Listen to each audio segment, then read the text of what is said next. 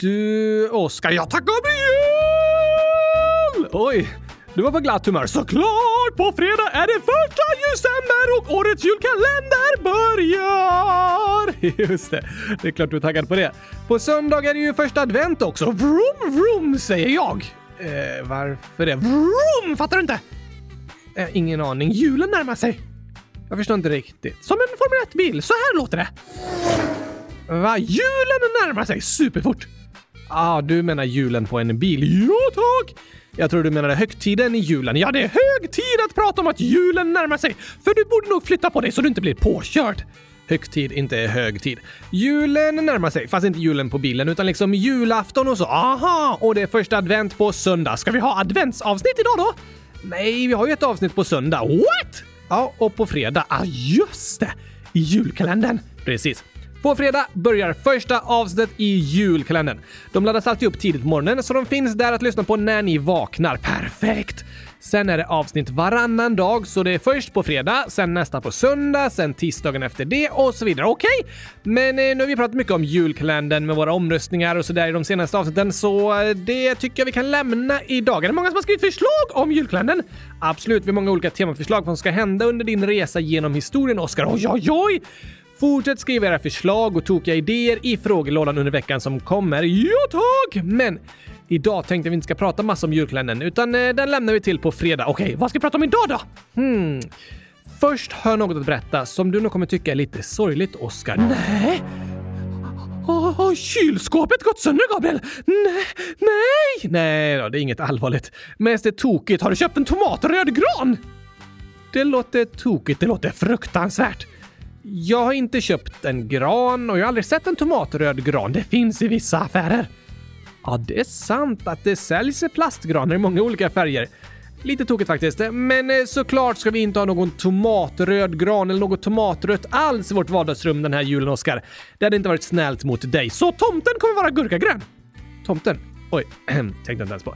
Eh, alltså, vi ska fira jul hos mina föräldrar i Borås, så vi får se vilken färg tomten har där. Jag ska klä ut mig till en grön tomte. En gurkagrön närmare bestämt. Gör du så? Men det jag tänkte berätta har inget med julen att göra. Dock har det med gurkor att göra. Vad är det du säger, Gabriel? Något sorgligt om gurkor? Ja, eller tokigt snarare. Men eh, det kommer nog göra dig lite chockad och kanske frustrerad. Men berätta då! Vad är det för hemskt som har hänt? Vi tar gurkagängen först, så ska jag berätta. Sen är det någon som har stulit alla gurkor i hela världen. Eh, nej. Det här är något som flera lyssnare har skrivit och berättat om. Ah, jag har hundratusen i puls nu, Gabriel! Det är omöjligt. Jag är så stressad och nervös! Du behöver inte oroa dig, det är mest tokigt. Jag berättar efter gurkagängen. Slut! Berätta då! Snygg jingel, eh, men jag tror att vi spelar upp den vanliga jingeln. Det blir ju sista gången idag innan julkalendern, det har du rätt i! Så njut ordentligt av gurkagängen. Kallt välkomna till kylskåpsradion! Det säger vi. Kallt välkomna.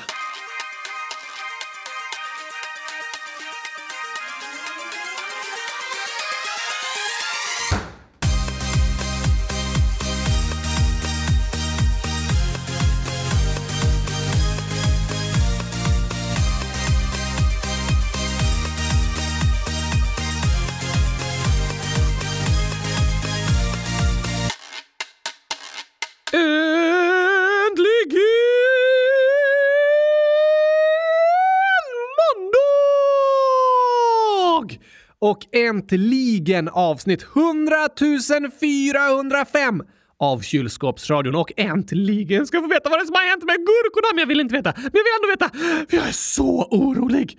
Det är inte riktigt något som har hänt med gurkorna, Oskar, men du kommer ihåg inläggen du har läst upp från lyssnare som berättat om att de har spytt efter att de har ätit choklad? Ja, tack!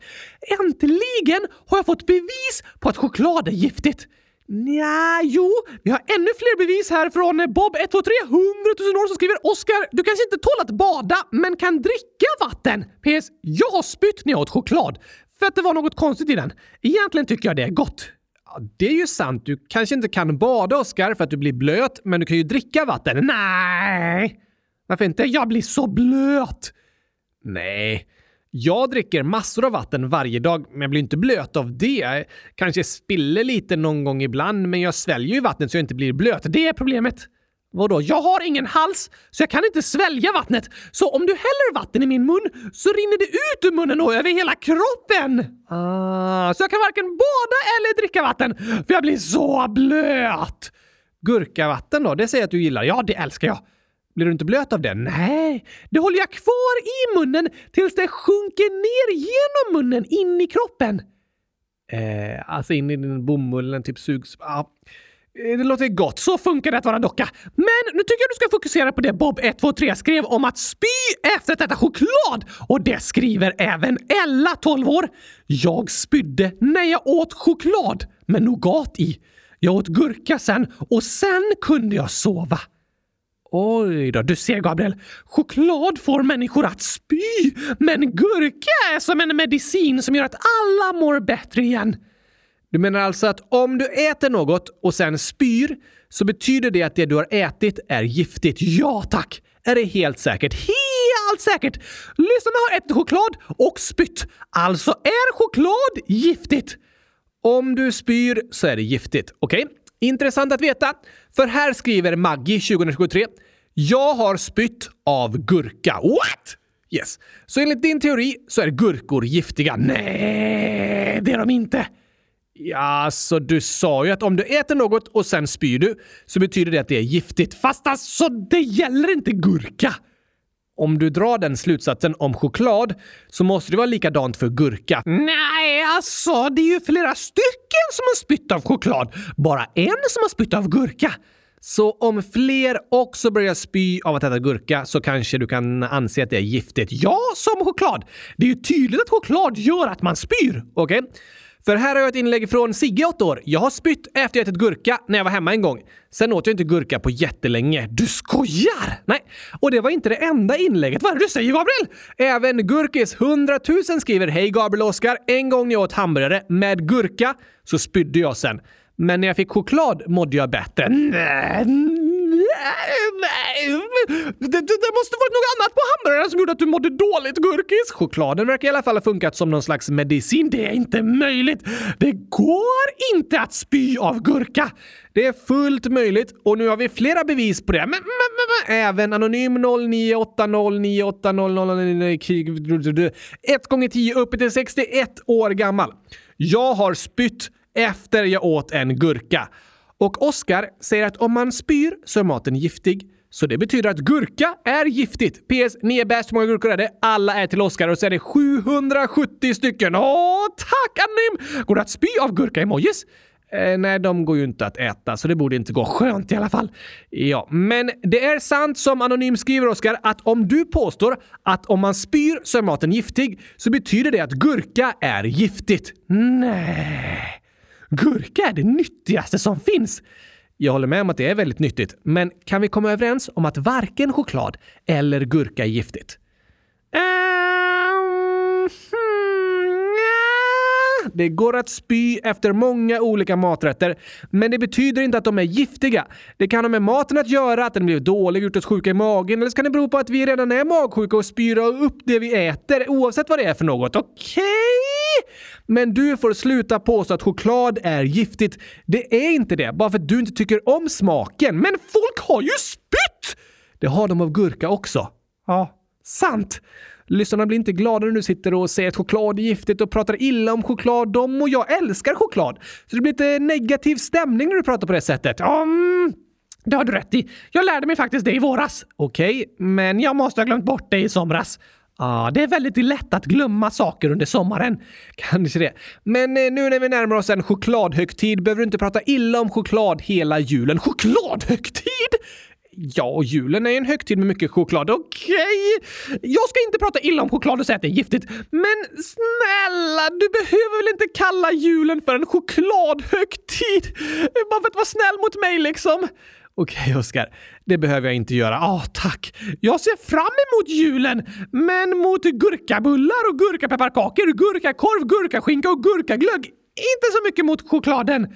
Åh, oh, vad gott det låter, eller hur? Uh, ja. Men uh, då har vi kommit fram till att varken gurka eller choklad är giftigt. Okej? Okay? Jag accepterar det. Tack. Och tack till alla er som hörde av sig. Det var väldigt tokigt att läsa om faktiskt. TUSEN tack! Och jag tänker att vi kan fortsätta läsa upp inlägg i dagens avsnitt, Oskar, eftersom vi inte kommer att ha lika mycket tid för det i julkalendern. Det har du rätt i! Här hittade jag ett väldigt tokigt inlägg från Aron, 8 år, som skriver Hej kylskåpsradion! Jag lyssnar på er varje morgon på väg till skolan och det är väldigt roligt. Kan ni prata om Dumbo-bläckfisk? PS. Ni har aldrig tagit med mina inlägg, men jag älskar er ändå.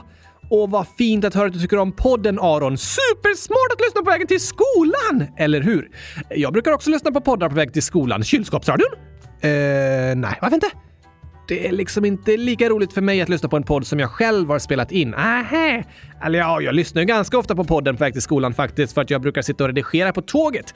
Så då är det som att jag lyssnar. Ja, tack! Men vad är en Dumbo-bläckfisk? Det var en rolig fråga Aron. Det finns så många tokiga djur att prata om. Det gör det verkligen och det gör vi ganska ofta här i kylskåpsradion. Men Dumbo-bläckfiskar är ett släkte av djuphavslevande bläckfiskar. Betyder det att de lever djupt nere i havet? Ja, wow!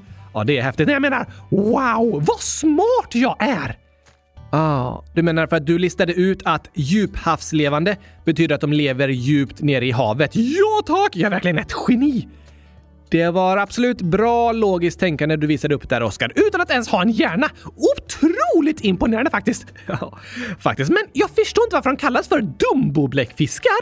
Jo, det är för att det sticker liksom ut två fenor på båda sidor av huvudet som ser ut nästan som att de har två stora öron. Va? Därför kallas de för Dumbo-bläckfiskar, för de är bläckfiskar men påminner lite om Dumbo med sina stora öron. Aha! Klurifaxigt! Verkligen. Kan de också flyga med sina öron? De lever ju djupt nere i havet, Oskar. Där går det inte att flyga. Sant! Fast de flyger ju typ ovanför havsbotten. De simmar. Det är inte riktigt samma sak som att flyga. Nähä. Men hur långt ner lever de egentligen? De kan finnas ner till 4000 meters djup, ibland ännu djupare. Oj! Tänk att åka 4000 meter ner i havet! Det är otroligt faktiskt. Sveriges högsta berg, Kebnekaise, är strax över 2000 meter högt. Tänk dubbelt så högt som det är, fast neråt istället. Ner i havet. Det är långt ner i djupet. Väldigt, väldigt djupt. Djuphaven är faktiskt en spännande plats för det är den mest outforskade platsen på hela jorden. Vad menar du? Ja, hela jordens landyta har ju liksom upptäckts och det går att se hela jorden via satelliter och så. Just det! Jag kan åka jorden runt med Google Street View. Det kan du. Och även månens yta och Mars yta är väldigt välutforskade. Men inte haven. Va? Det brukar sägas att vi har bättre koll på Mars yta än vi har på havsbotten på jorden. Oj då! Mer än 70 procent av jordens yta är täckt av hav, men över 80 procent av haven är outforskade. Varför det? För det första är ju haven otroligt stora. För det andra är det ju bra att haven skyddas så mycket som möjligt från mänsklig påverkan. Det har du rätt i. Men sen är det också väldigt högt tryck under havet, så det är inte bara att simma ner liksom. Vadå tryck? Alltså, Jorden har ju något som kallas gravitation. Ska jorden få barn? Jorden är inte gravid. Är månen ett av jordens barn? Mm, nej, Oskar. Jorden är inte en människa som kan föda barn. Nej, den är en planet som kan föda barn. Inte det heller. Nej, jorden är inte gravid, utan det finns något som kallas gravitation som betyder det är jordens eh, dragningskraft som gör att vi stannar kvar på jorden och inte svävar ut i rymden. Aha! Om jag kastar upp en gurka i luften så faller den till marken på grund av jordens eh, dragningskraft. Precis. Och eh, alla objekt har en dragningskraft. Va? Är det därför det är väldigt svårt att gå upp ur sängen på morgonen? Eh, nej, det är en så liten dragningskraft att den inte märks av. Kylskåpet har en väldigt stark dragningskraft på mig. Det är bara för att du tycker om att äta gurkor och vill gå dit och käka det. Kanske det. Allt som har en massa, alltså som går att ta på, som en säng eller ett kylskåp, det har gravitation, en dragningskraft. Och desto större objektet är, desto starkare dragningskraft. Så en elefant har stark gravitation? Nej, vi människor dras inte till elefanter. De är fortfarande väldigt små om du jämför med till exempel planeten jorden. Ah, det har du rätt i. Så vår planet har stark gravitation och månen har också stark gravitation, men inte lika stark som jordens. Det är därför de astronauterna på månen kunde hoppa högre. Ja, precis Oskar. Men månen och jorden dras hela tiden mot varandra. Håller de på att krocka? Nej, de håller sig på samma avstånd hela tiden, men deras dragningskrafter påverkar varandra. Och detsamma gäller med solen. Planeten jorden och de andra planeterna är i omloppsbanorna runt solen på grund av solens gravitation. Alltså att solen håller kvar planeterna så att de inte bara svävar iväg fritt ut i rymden. Tur det! För utan solen hade det inte gått att leva på jorden. Väldigt tur. Så vi dras hela tiden mot jorden. Ja. Gravitation är ett mått på med vilken kraft till exempel jorden drar saker till sig. Och eftersom månen är mindre än jorden är dess gravitation ungefär bara en sjättedel av jordens. Va? Så om du väger dig på jorden och väger 60 kilo här och så väger du dig på månen med samma våg så väger du bara 10 kilo. Har jag gått ner i vikt? Nej, alltså det finns massor av olika tips och böcker om hur man ska gå ner i vikt. Men jag har aldrig hört någon säga “Åk till månen”. Din eh, massa förändras inte på det sättet. Vad massa vad? Alltså massa är liksom mängden materia, det du består av. Uh, jag består av massa gurka. Eh, ja, eh, gurka har ju också en massa, det som är själva gurkan. Och massa mäts i kilogram. Och om du har 60 kilogram massa så har du ju det överallt. Om jag väger 60 kilo? Ja, om det är den du är. Men en våg mäter inte själva massan utan den väger med vilken kraft du dras mot jorden. Kraft mäts i något som kallas Newton. Det känner jag igen. Det är uppkallat efter fysikern Newton och gravitationen på jorden är 9,8 Newton per kilogram. Alltså nästan 10 per kilogram. Så om du väger 60 kilogram så är tyngdkraften av din kropp ungefär 600 Newton. 10 gånger 60! Precis. Det är det vågen mäter då. Men på månen är gravitationen 1,6 Newton per kilo. Där är tyngdkraften av din kropp ungefär 100 Newton. 1,6 gånger 60!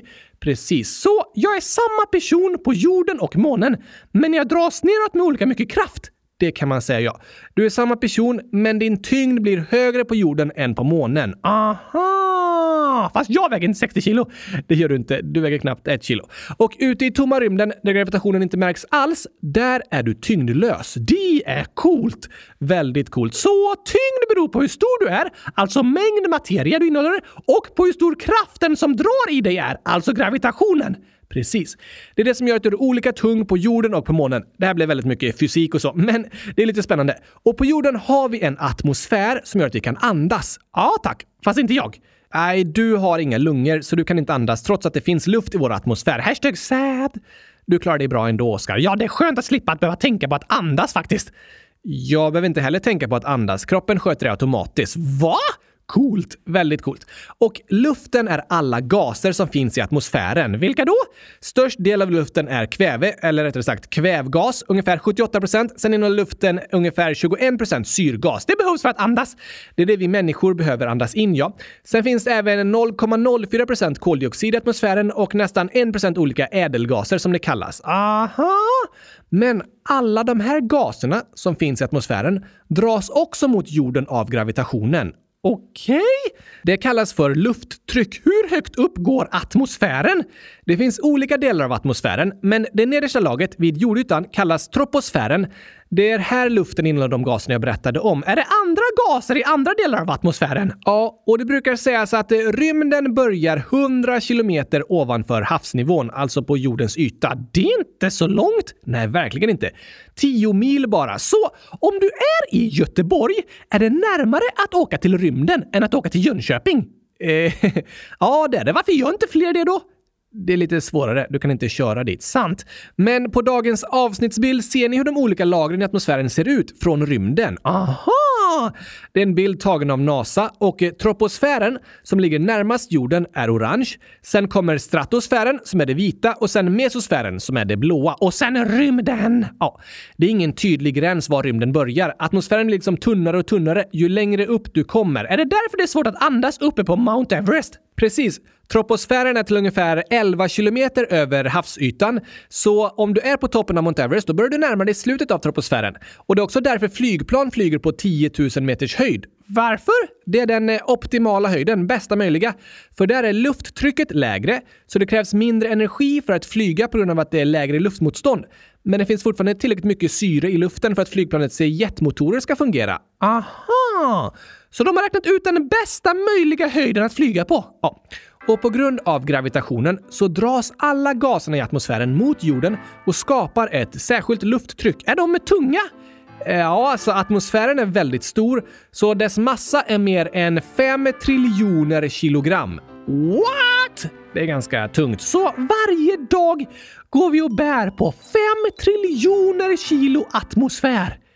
Eh, på sätt och vis, ja. Inte konstigt att vi blir trötta på kvällarna. Nej, om du någon gång känner för att vila lite så kan du säga Åh, jag måste lägga mig ner en stund.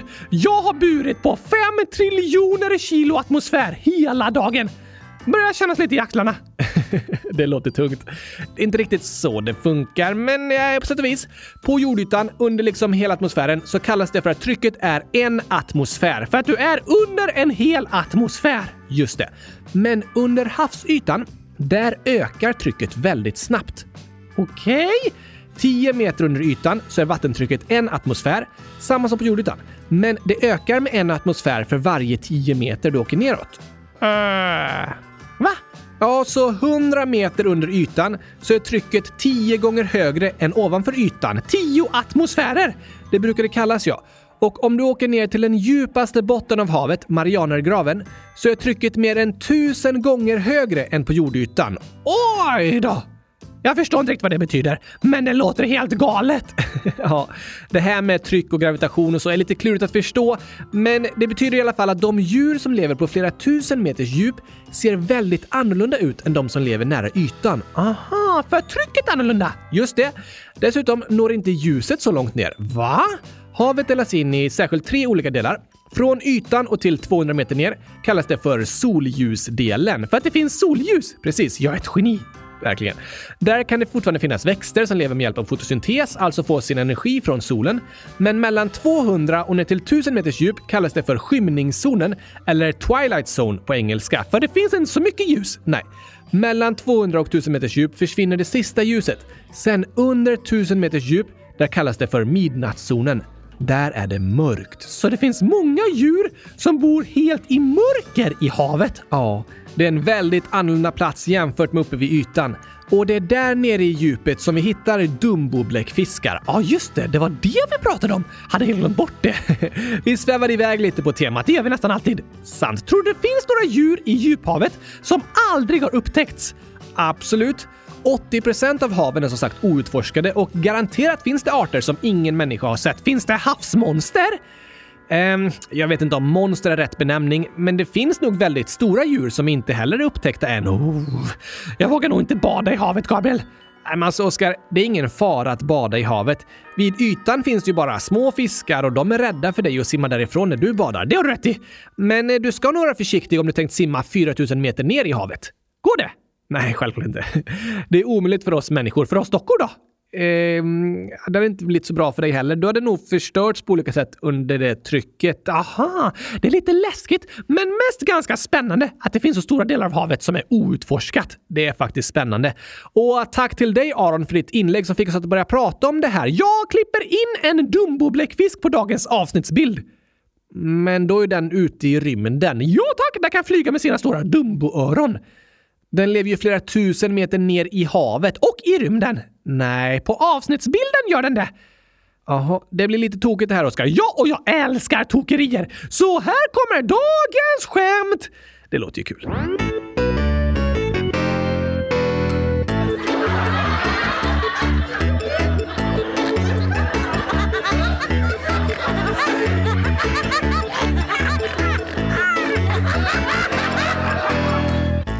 Du, vi har en rolig Oscar-gåta här. Vad? Det är mina favoritgåtor. Okej, okay, för jag har alltid rätt. Nej, jo. Om gåtan handlar om något som jag gör måste det vara jag som vet vad som är rätt. Inte riktigt. Den här gåtan är skriven av Lilian, snart åtta år, och det står så här. Varför åt Oscar plåster? Plåster? Ja, precis. För att de har gurkasmak. Plåster med gurkasmak? Det har jag aldrig hört talas om. Jag berättade ju precis om det. Ja, men plåster brukar väl inte ha smak? Jo, gröna plåster har gurkasmak. Aha. Du ska sätta dem utanpå huden när du har ett sår, inte äta dem. Jag har aldrig sår. Sant, du kan inte börja blöda, så du behöver inte använda plåster. Nej tack, därför äter jag dem istället. Intressant tillvägagångssätt, men nej, det var inte rätt svar på gåtan. Den handlar ju om mig, så jag bestämmer att det är rätt svar. Det kan du inte. Va? Du får hitta på något annat. Varför äter Oskar plåster? Ehm... jag vet inte. Lilian skriver “För han hade ont i magen”. Nej! Den var bra. Det låter som att plåster ska hjälpa mot magont. Om du äter upp dem så kommer de in i magen och fixar det där. Ja, men tyvärr funkar det inte så. Det borde funka så. Alltså, plåster hjälper inte riktigt mot smärta på det sättet, utan de skyddar ett sår. Både genom att stoppa blodet och se till att inget smuts kommer in i såret. Ja, just det. Så om jag har ont i huvudet hjälper det inte att jag sätter ett plåster på huvudet? Nej. Det hjälper inte, men det hjälper att skratta lite. Så tack för skämtet Lilian! Ja, skratt kan ofta vara skönt som ett slags botemedel mot smärta. Det gör en på gott humör i alla fall. Och eh, här har jag en gåta till dig som är skriven av Albert, 6 år. Jag har en gåta som ni gärna får dra. Vad säger väggen till den andra väggen? Väggen? Ja tack! Kom inte och säga att väggar inte kan prata, för det är såklart en talande vägg. Ah, okej. Okay. Jag trodde du skulle säga att det är såklart ett skämt. Ja, det kanske var en bättre förklaring. Men vad kan väggen ha sagt till den andra då? Hmm, kanske du ser lite slät ut? Nej. Du ser lite stel ut? Ja, det rör sig inte så mycket, men det är också fel. Kanske vi ser ut som tvillingar? De är olika långa, men annars lika. Ha.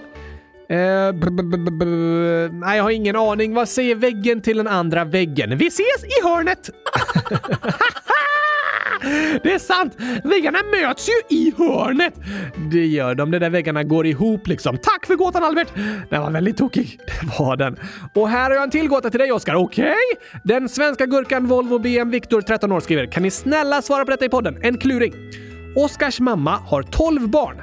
Januari, februari, mars, april, maj, juni, juli, augusti, september, oktober, november. Men vad heter det sista barnet? Eh, Ljusember! Nej, okej, okay, december då. Men jag har nya namn på månaderna, så jag tycker att sista barnet ska heta Ljusember. Det är också fel. December också. Ja, men va? Det är ju 12 barn och alla de andra har ett namn på månaderna. Då borde väl den sista också ha det? Det känns logiskt. Men det står i texten vad det sista barnet heter. Nej. Jo, jag läser igen. Oskars mamma har 12 barn. Januari, februari, mars, april, maj, juni, juli, augusti, september, oktober, november. Men vad heter det sista barnet? Eh, hur många är det? Januari, februari, mars, april, juni, juli, augusti, september, oktober, november. Det är bara 11 stycken! Då måste det sista barnet heta december. Det är den enda logiska förklaringen. Men det är fel. Hur ska du kunna veta vad det sista barnet heter? Vems mamma är det som har 12 barn? Min mamma. Oskar med O och K står det. Okej, okay, inte jag. Nej. Så vad heter det tolfte barnet? Ingen aning, du får berätta Gabriel!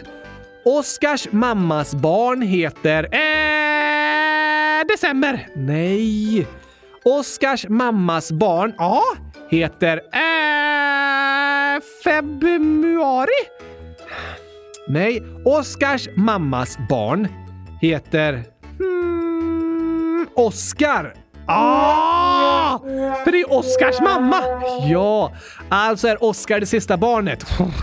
Ja, det borde jag faktiskt listat ut. Det stod ju i gåtan liksom. Jag tänkte inte på det. Nej, det är lätt att bli lurad av månadsnamnen. Verkligen, du lurade bort mig ordentligt, Viktor! Det gjorde han verkligen. Men jag har en liknande kluring till dig också, Gabriel! Ja, så det här kommer du aldrig klara. Okej, okay, och jag har fått hjälp av Juvelia, Åtta år, som skriver så här. Jag önskar att Oskar ringer Gabriel igen, för det är så roligt. Va? Ah, så att jag ser till att din väckarklocka ringer, Gabriel, så att du inte försover dig på morgonen. Var det det Juvelia menade? Ja, garanterat. Sen står det PS. En gåta. Det var fem systrar. Den ena torkade disken, den andra skötte om djuren, den tredje spelade schack och den fjärde skalade lök. Vad gjorde den femte? Oj. Hmm. Alltså det står ju inget i frågan om vad den femte gör. Nej tack, du måste tänka logiskt. Ja, men du ska kunna veta det. Disk, djur, schack, lök. Det finns inte riktigt några samband mellan dem som kan förklara vad den femte gör. Du får fundera ordentligt. Okej. Men har det något att djuren att göra kanske? Nej tack! Nej. Jag får gissa helt fritt då. Uh, den femte systern spelar fotboll. Det var fel! Den eh, femte systern kollar på TV. Fel! Varför skulle hon göra det? Jag bara gissar på något. Men tänk logiskt, Gabriel! Jag har ingen aning, Oskar. Hur ska du kunna lista ut rätt svar? Den femte systern spelar ju schack med den andra systern! Ah, ingen vill sitta och spela schack ensam! Alltså, det går ju att spela schack eh, online mot andra spelare själv, fast inte ensam. Du spelar ju med en annan, eller du kan spela mot datorn också. Ja, men det är en logisk förklaring där rakt framför dig. Men du missar den, Gabriel! Systrarna spelar schack ihop! Ja, Det borde jag listat ut faktiskt. Det var en klurifaxig gåta Juvelia. Verkligen! Tack för den! Och tack för de andra skämten också. Hundratusen tack! Men ska vi ta en sång nu eller? Gärna! En jullåt? Mm, jag tycker vi väntar till på fredag med dem. Okej, okay. sen blir det ju julsånger hela december. Eh, äh, december. Men vad vill du passa på att lyssna på innan julkalendern drar igång? Eh, det får nog bli något om gurkaglass. Ja, såklart. Här föreslår Joar och Tage, 8 och 6 år. Kan ni sjunga Kärlek i en kartong? Ja, visst, den kan vi spela upp. Wow! Här kommer den!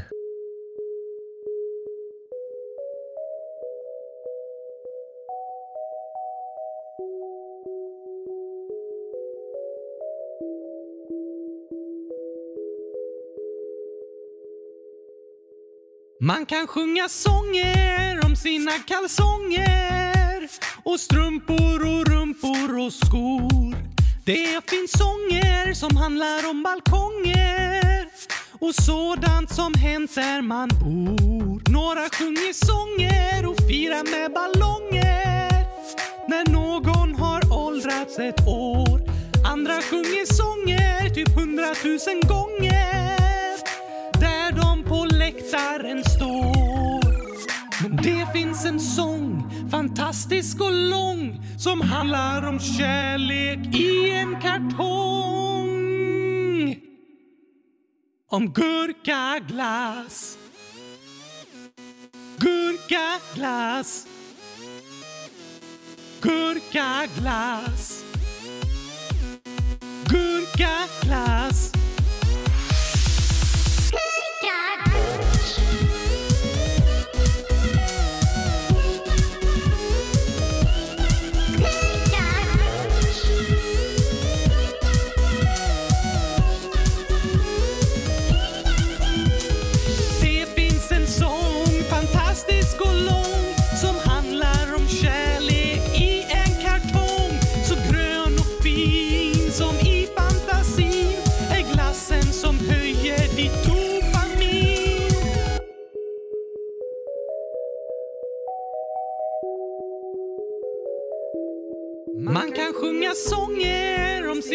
Kalsonger och strumpor och rumpor och skor.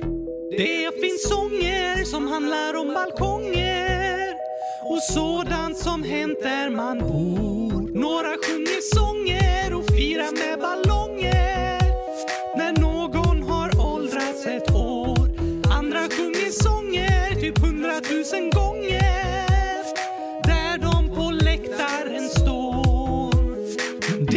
finns en sång, fantastisk och lång som handlar om kärlek i en kartong. Så grön och fin som i fantasin är glassen som höjer ditt dopamin.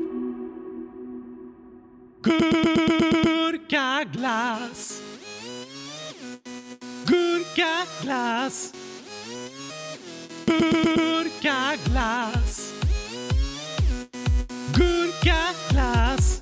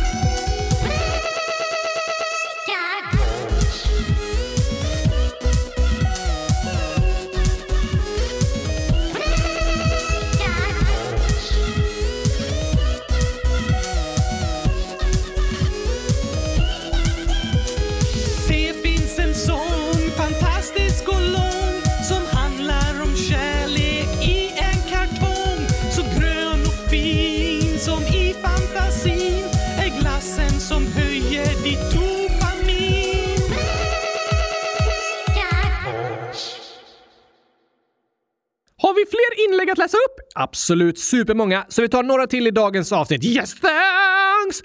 Först skriver Anonym Anonym Ålder så här. Jag mår inte bra.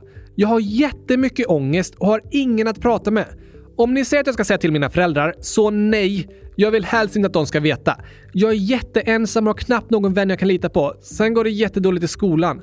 Vad ska jag göra? Hitta felet och så är det massor av chokladkakor och en gurka-emojin. Vad? Fel? Va?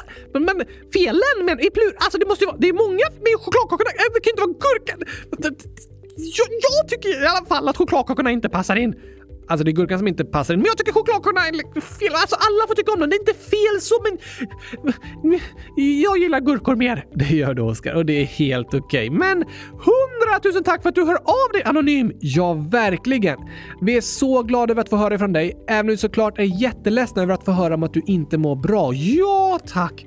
Men vad betyder egentligen ångest? Jag hör det ordet ganska ofta, men jag fattar aldrig riktigt vad det innebär. Det är en bra fråga, Oskar. Vi pratar om det då och då här i kylskåpsradion också. Just det! Är det samma sak som att vara ledsen? Ja, inte riktigt. Ångest är mer som en stark oro och rädsla som finns i kroppen. Okej? Okay. Som att gå runt och oroa sig för något som kan hända? Ja, eller alltså jag kan känna lite oro inför framtiden, kanske ett prov jag ska ha nästa månad eller så. Men ångest är liksom en eh, väldigt stark känsla som nästan känns fysiskt inuti kroppen. Hur då? Kan kännas som att eh, magen drar ihop sig, du spänner dig, har svårt att sitta still, du kan inte slappna av, pulsen ökar. Ah, det är som att få panik! Det kan det vara. Det kallas för panikångest. Det kan komma väldigt starka känslor som kommer plötsligt. Det låter jobbigt. Ja, det kan vara obehagligt och jobbigt med en så kallad panikångestattack, men det brukar gå över ganska fort.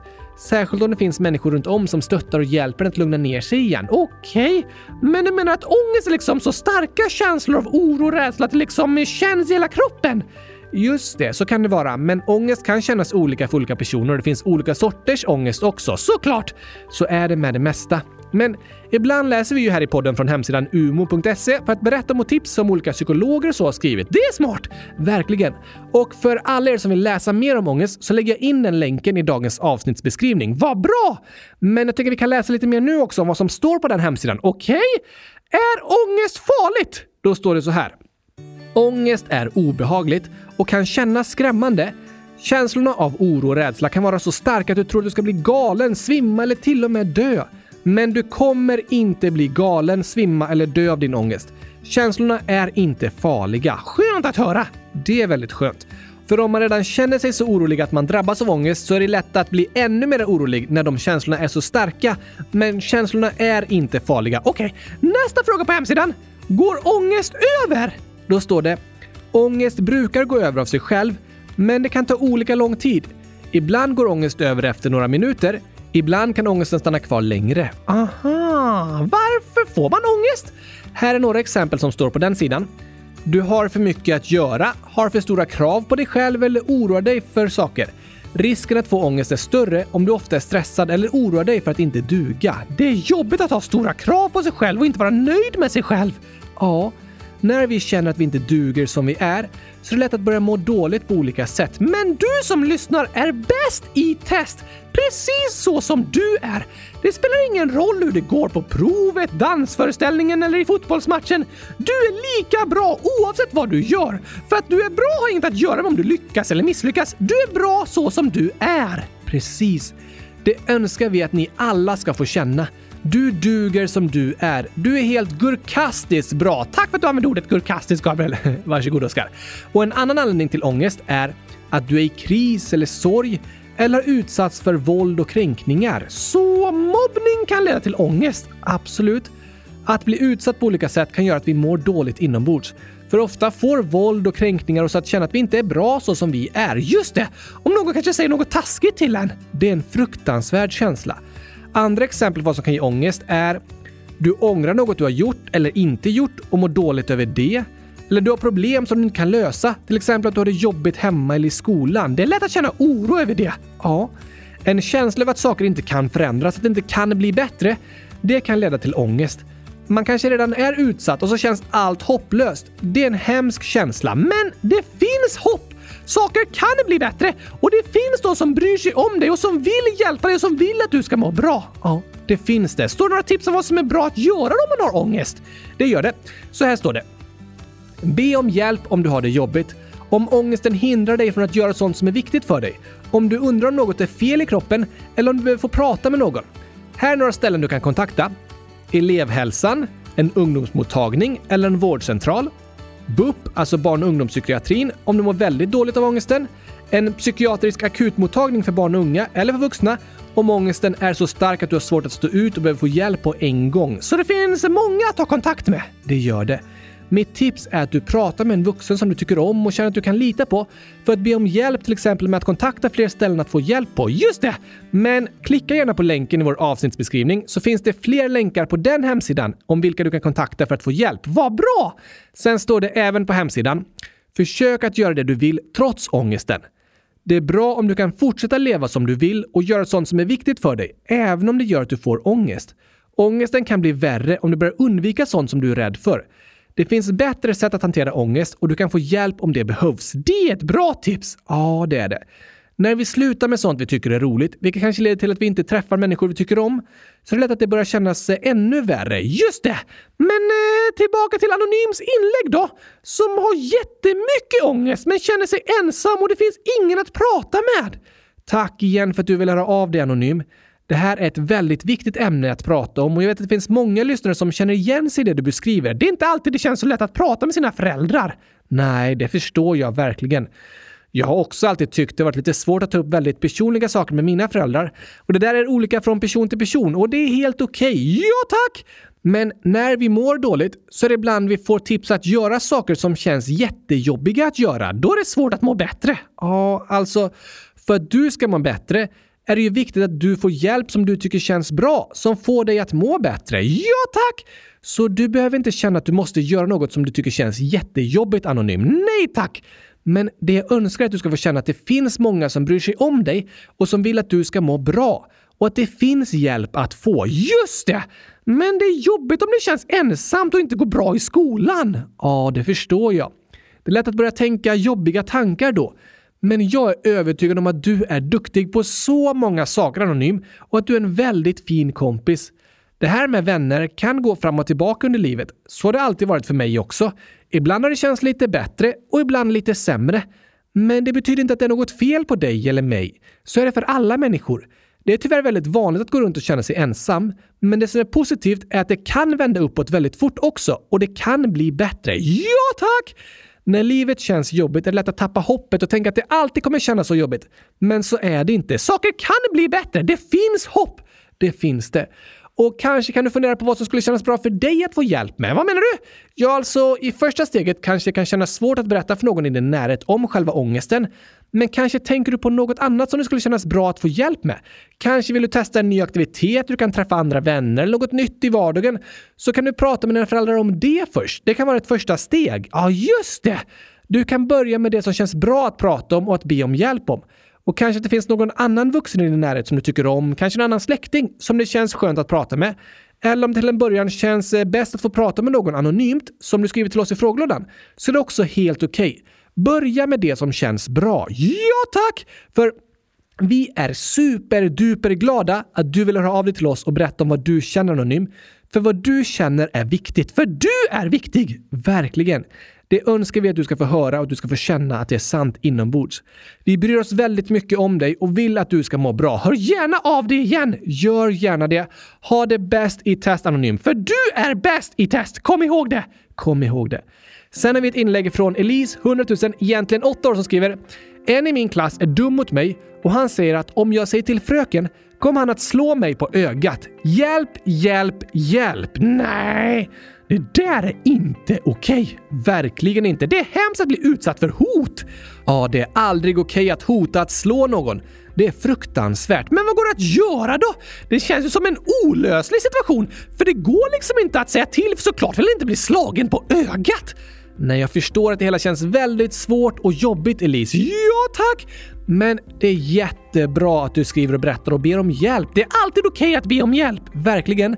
Och i det här fallet är det ju bra eftersom han som är dum inte vet att du har pratat med en vuxen om det, att du har skrivit till oss. Just det! Men kanske du kan göra på ett liknande sätt med en lärare på skolan? Vad då?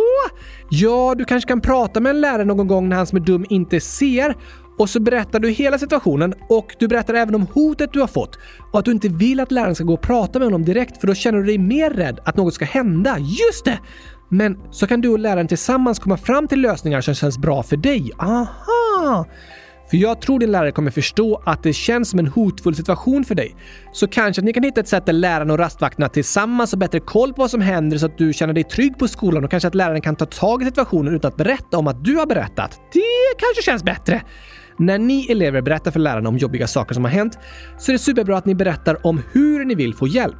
Så att det känns bra för er och att det inte känns som att ni utsatts för risker på grund av att ni har berättat. Kommer lärarna lyssna på det? Det hoppas och tror jag verkligen. Men det är superbra att lärarna får veta vad som händer, för det är viktigt att ni alla känner er trygga i skolan och att ni inte behöver vara rädda för att bli utsatta för våld och kränkningar.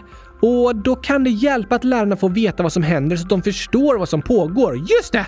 Tyvärr har inte lärare tusen ögon och tusen öron så det kan hända saker som de inte ser eller hör. Jag ska bygga en lärare med tusen öron och tusen ögon.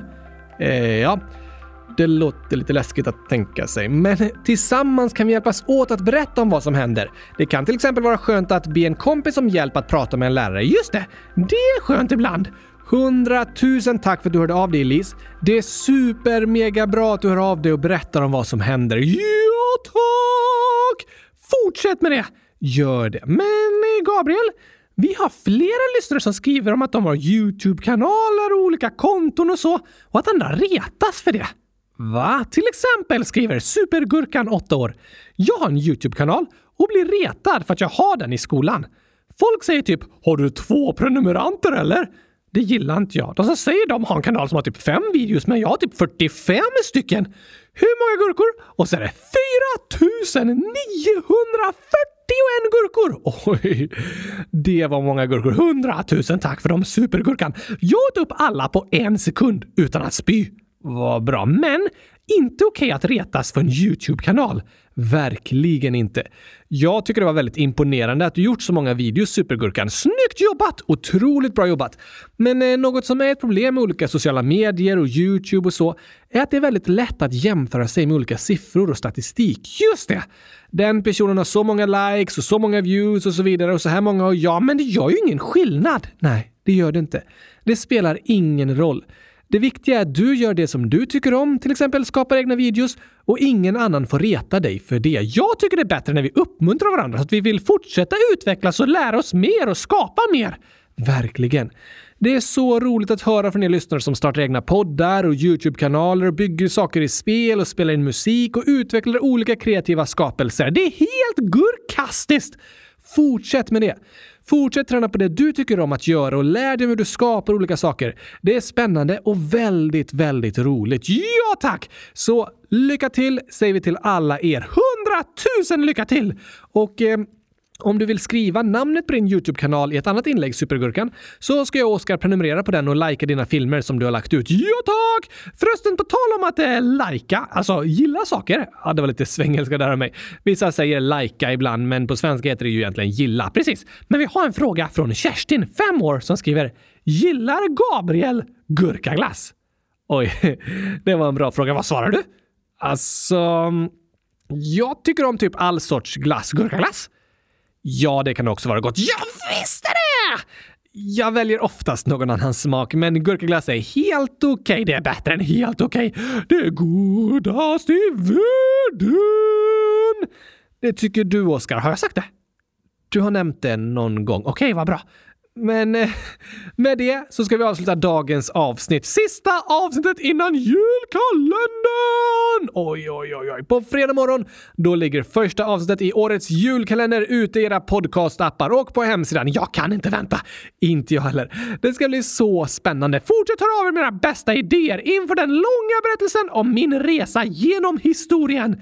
Gör det, så hörs vi igen på fredag. Först några födelsedagshälsningar! Ja, det ska vi hinna med innan vi slutar för idag också.